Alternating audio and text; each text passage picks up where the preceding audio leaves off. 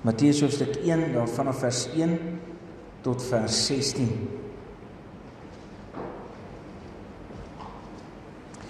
Die geslagregister van Jesus Christus, die seun van God, die seun van Abraham. Abraham was die vader van Isak. Isak van Jakob en Jakob van Juda en sy broers. Juda was die vader van Peres en Serag by Tamar. Peres van Gesron en Gesron van Ram. Ram was die vader van Aminadab. Aminadab van Nagson en Nagson van Salmon. Salmon was die vader van Boas by Ragab. Boas van Obed by Rut. Obed van Isai.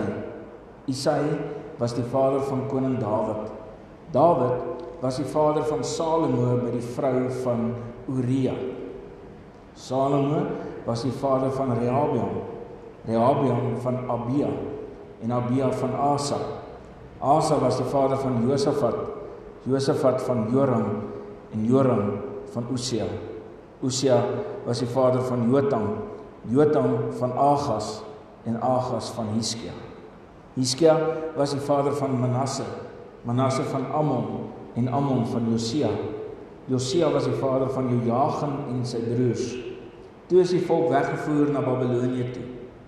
En na die Babiloniese ballingskap was dit so. Joachim was die vader van Sealtiel en Sealtiel was die vader van Serubabel. Serubabel was die vader van Abihud, Abihud van Aljakim en Aljakim van Asor. Asor was die vader van Sadok, Sadok van Achim, en Achim van Elihud. Eliud was die vader van Eleazar, Eleazar van Matan, Matan van Jakob. Jakob was die vader van Josef, die man van Maria, uit wie gebore is Jesus wat Christus genoem word. Broers en susters, wie van julle het al julle DNA laat toets en ook so 'n uitslag gekry in die pos wat vir jou nou gesê het waarvandaan kom al jou voorgeslag. Ek is verskriklik nuuskierig oor oor dit. Ek hoop eendag dat ek die die geld bymekaar sal hê om om dit te doen. Dit dit kos 'n paar duisend rand om nou om nou ordentlik die uitslag te kry. Om nou te weet wat se persentasie van waar is jy?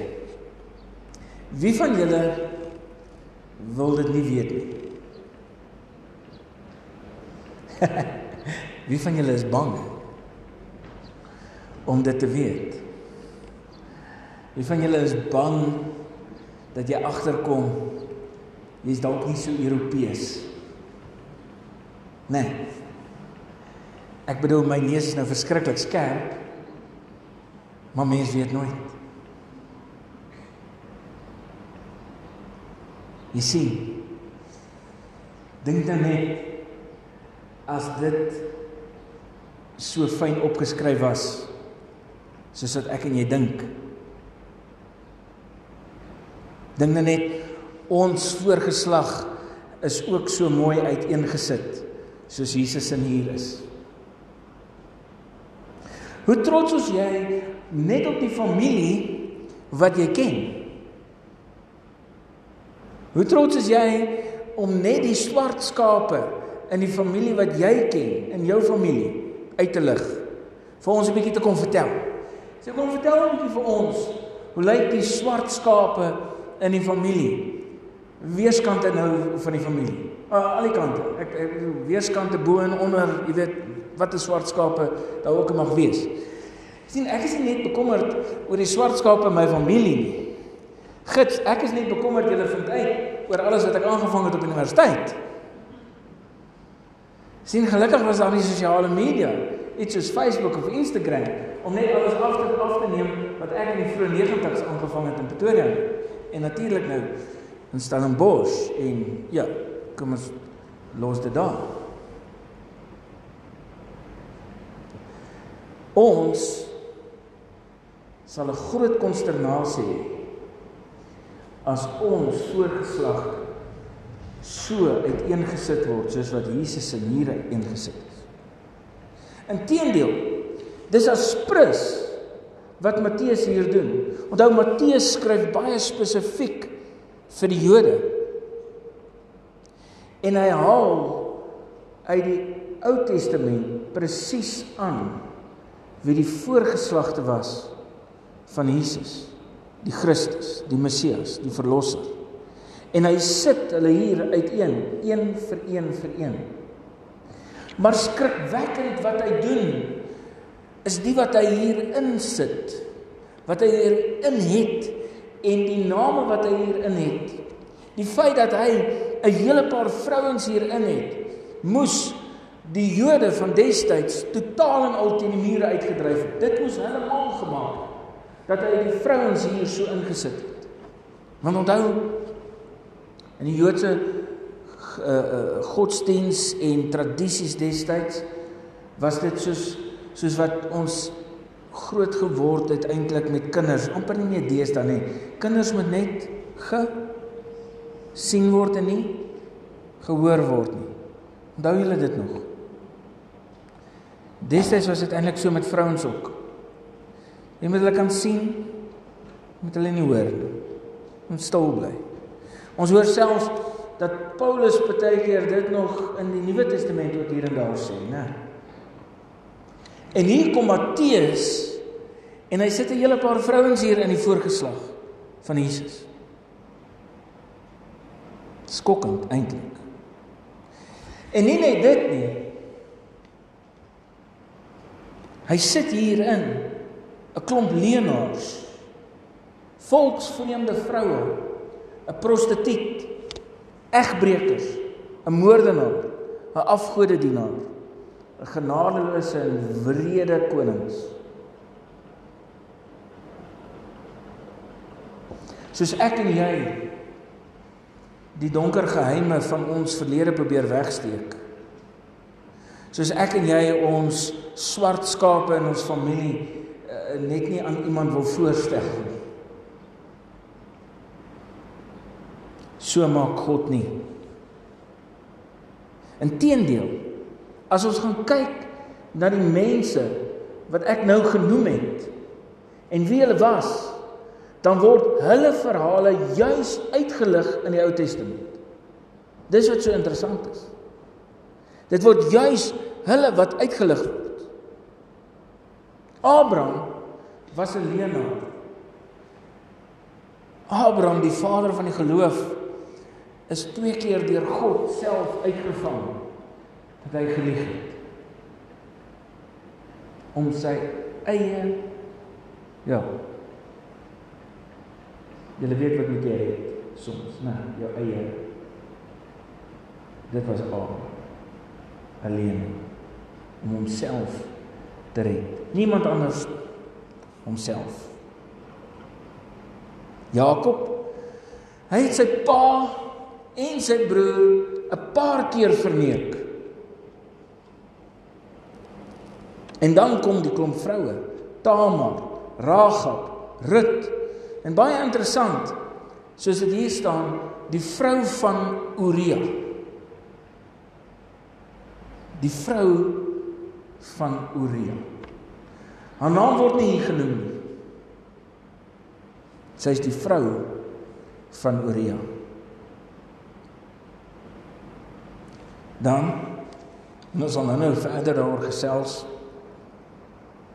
Dan kom ons agter dat ons te doen het met Salomo.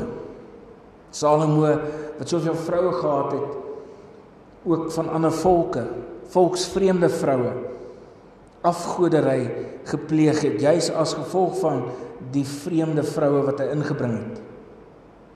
Selfs Rehabiam wat 'n genadeloose koning was, Salomo se kind, was 'n se se ma was 'n ammonitiese vrou gewees. Vreemde vrou. Nee, vrou van die volk nie.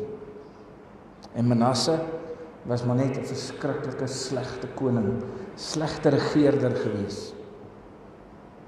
Jy sien, as ons hierdie lyse so lees, leenaars, volksvreemde vroue, 'n prostituut, egbreekers, 'n moordenaar, 'n afgodedienaar, genadeloose en wrede regeerders, dan wil ons eerder hê dit moet die leiers wees wat ons hier lees van sekere politieke partye. Die ander mense, mense wat nie soos ons is nie. Maar hoe ver gaan al hierdie woorde wegwees van jou en my voorgeslagte as ons dit fyn uitgelê kan kry. Ek dink nie ver nie. Dis maar hoe my en jou verlede hoe my en jou voorgeslagte ook klink. Ons is nie sulke engeltjies soos wat ons dink nie. Kom ek praat maar nou net van myself. Ek praat maar nou net van die Oosthuisens. Dalk is dit anderste met julle families. Maar kom ek praat maar nou net van die Oosthuisens. Ons klink maar net so.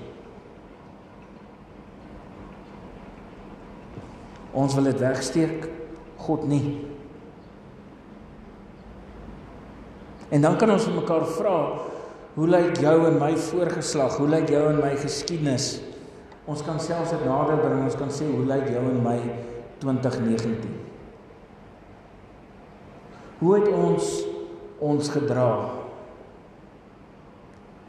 Ons kan nie net sê hoe het ons voorgeslagte hulle gedra nie. Ons kan ook gaan kyk hoe ons ons gedra het.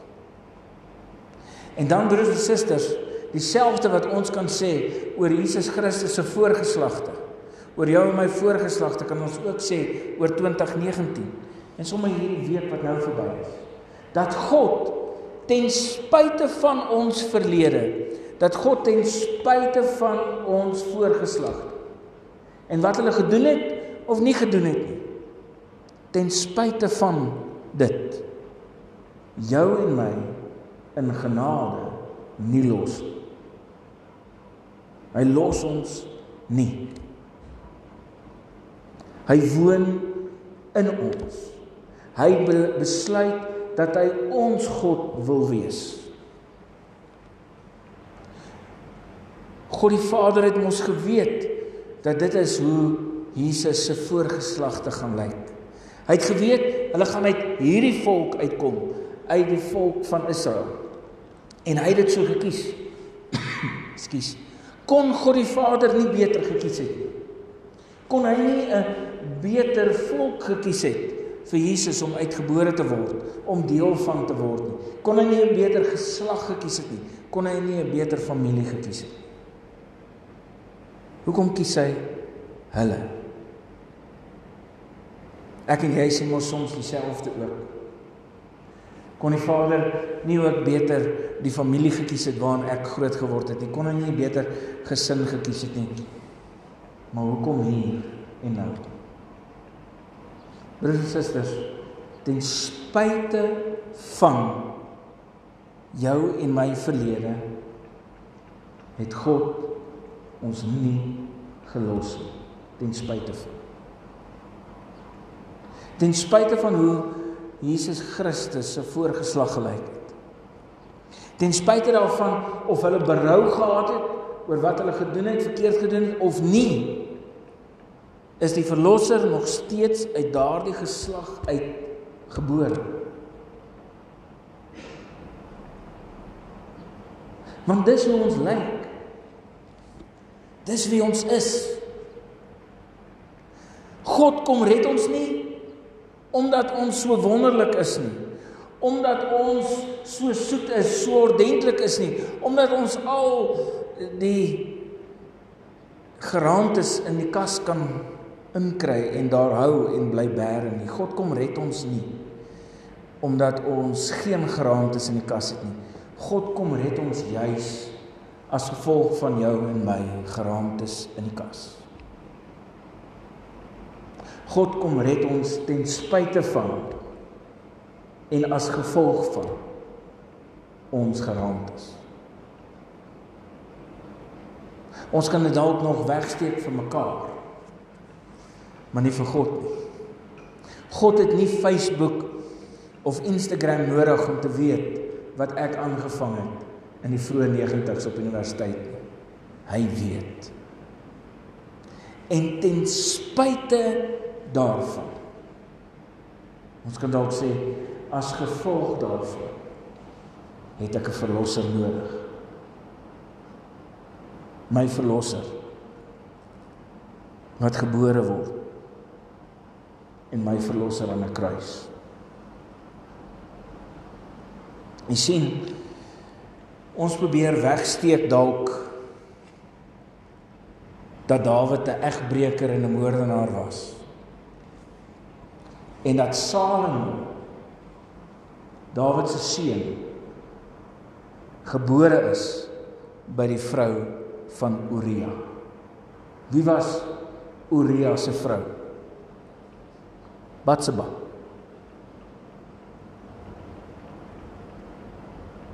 Die Engelse sê it takes two to tango. Batseba en Dawid albei egbreekers. Klink maar soos ons familie, ons gesinne. Is dit nie? Salomo natuurlik nie die kind wat Dawid by by Batseba gehad het terwyl Uria nog geleef het nie. Daardie kind is dood. Salomo gebore by Batseba nadat Dawid reeds vir Uria laat vermoor het as waar. Rahab 'n prostituut in die voorgeslag van Jesus die Messias.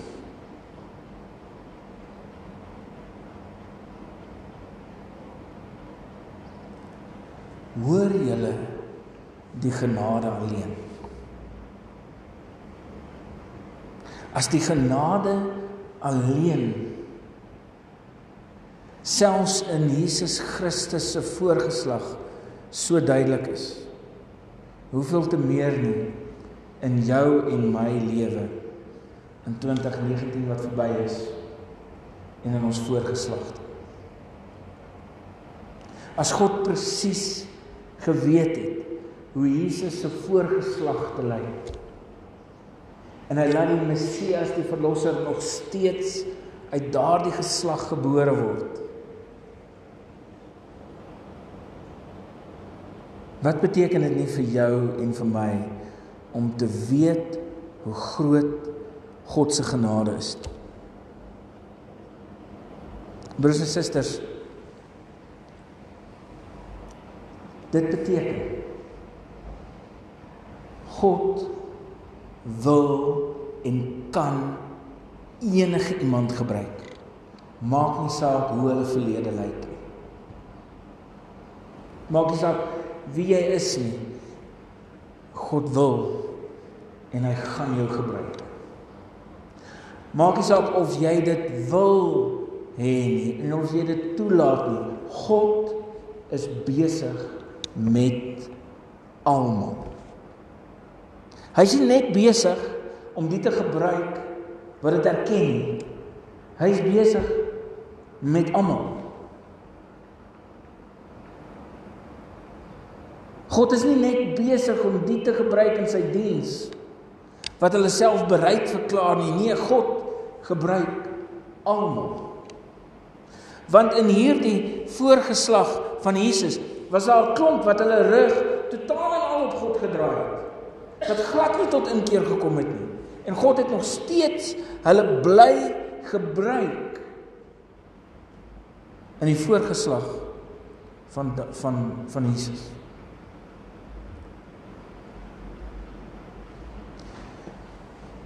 Wat van 2020? God wil jou en my vra dat ek en jy met ander oë na ons lewe sal kyk. Dat hy ten spyte van wie ons is, ten spyte van hoe dit vir ons lyk, hoe chaoties en deurmekaar dit is, al is dit ek en jy wat sekere dinge selfs oor onsself laat kom, oor onsself bring. Al is dit ek en jy wat droog maak. Wil God nog steeds sê dat hy die genade en die Heilige Gees se werking in ons lewens sal raak sien. Sien broers en susters, jy kan of sien dat God besig is of jy kan dit ignoreer. Watter een dink jy gaan vir jou die meeste beteken? Jy kan of sien dat God ten spyte van ek en jy wat aanhou droog maak en foute maak, dat God ten spyte daarvan nog steeds in jou en in my lewe werksaam is. En dat hy ons gebruik. Dat jy en ek al is ons maar partykeer 'n flou vlammetjie, dat hy ons gebruik om lig te gee in 'n donker wêreld. Al is ek en jy partykeer 'n leenaar 'n moordenaar, 'n egbreker. Dan is ek en jy baie keer genadeloos. Of ons gedra ons ons dalk soos 'n prostituut. Beteken dit dat die genade van God nog steeds vir jou en my geld?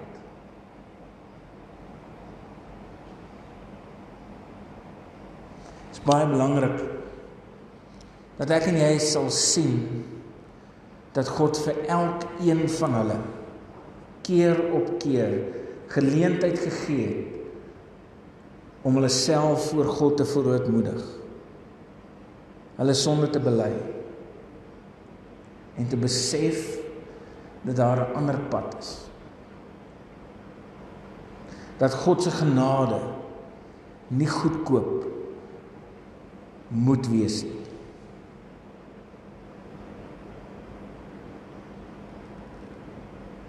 Wil jy nie vandag besluit om 'n pad van geloof te loop. Maak nie saak wat jou DNA sê nie. Maak nie saak wat jou van sê nie. Maak nie saak hoe jy groot gemaak is. Maar dat jy 'n pad van genade sal loop met jouself en met ander. Op grond van die Christus wat gebore is. Amen. Gaan 'n geleentheid gee 'n stil gebed vir elkeen om hulle self te verootmoedig voor die Here. Hulle skuld te bely. Kom ons bid saam.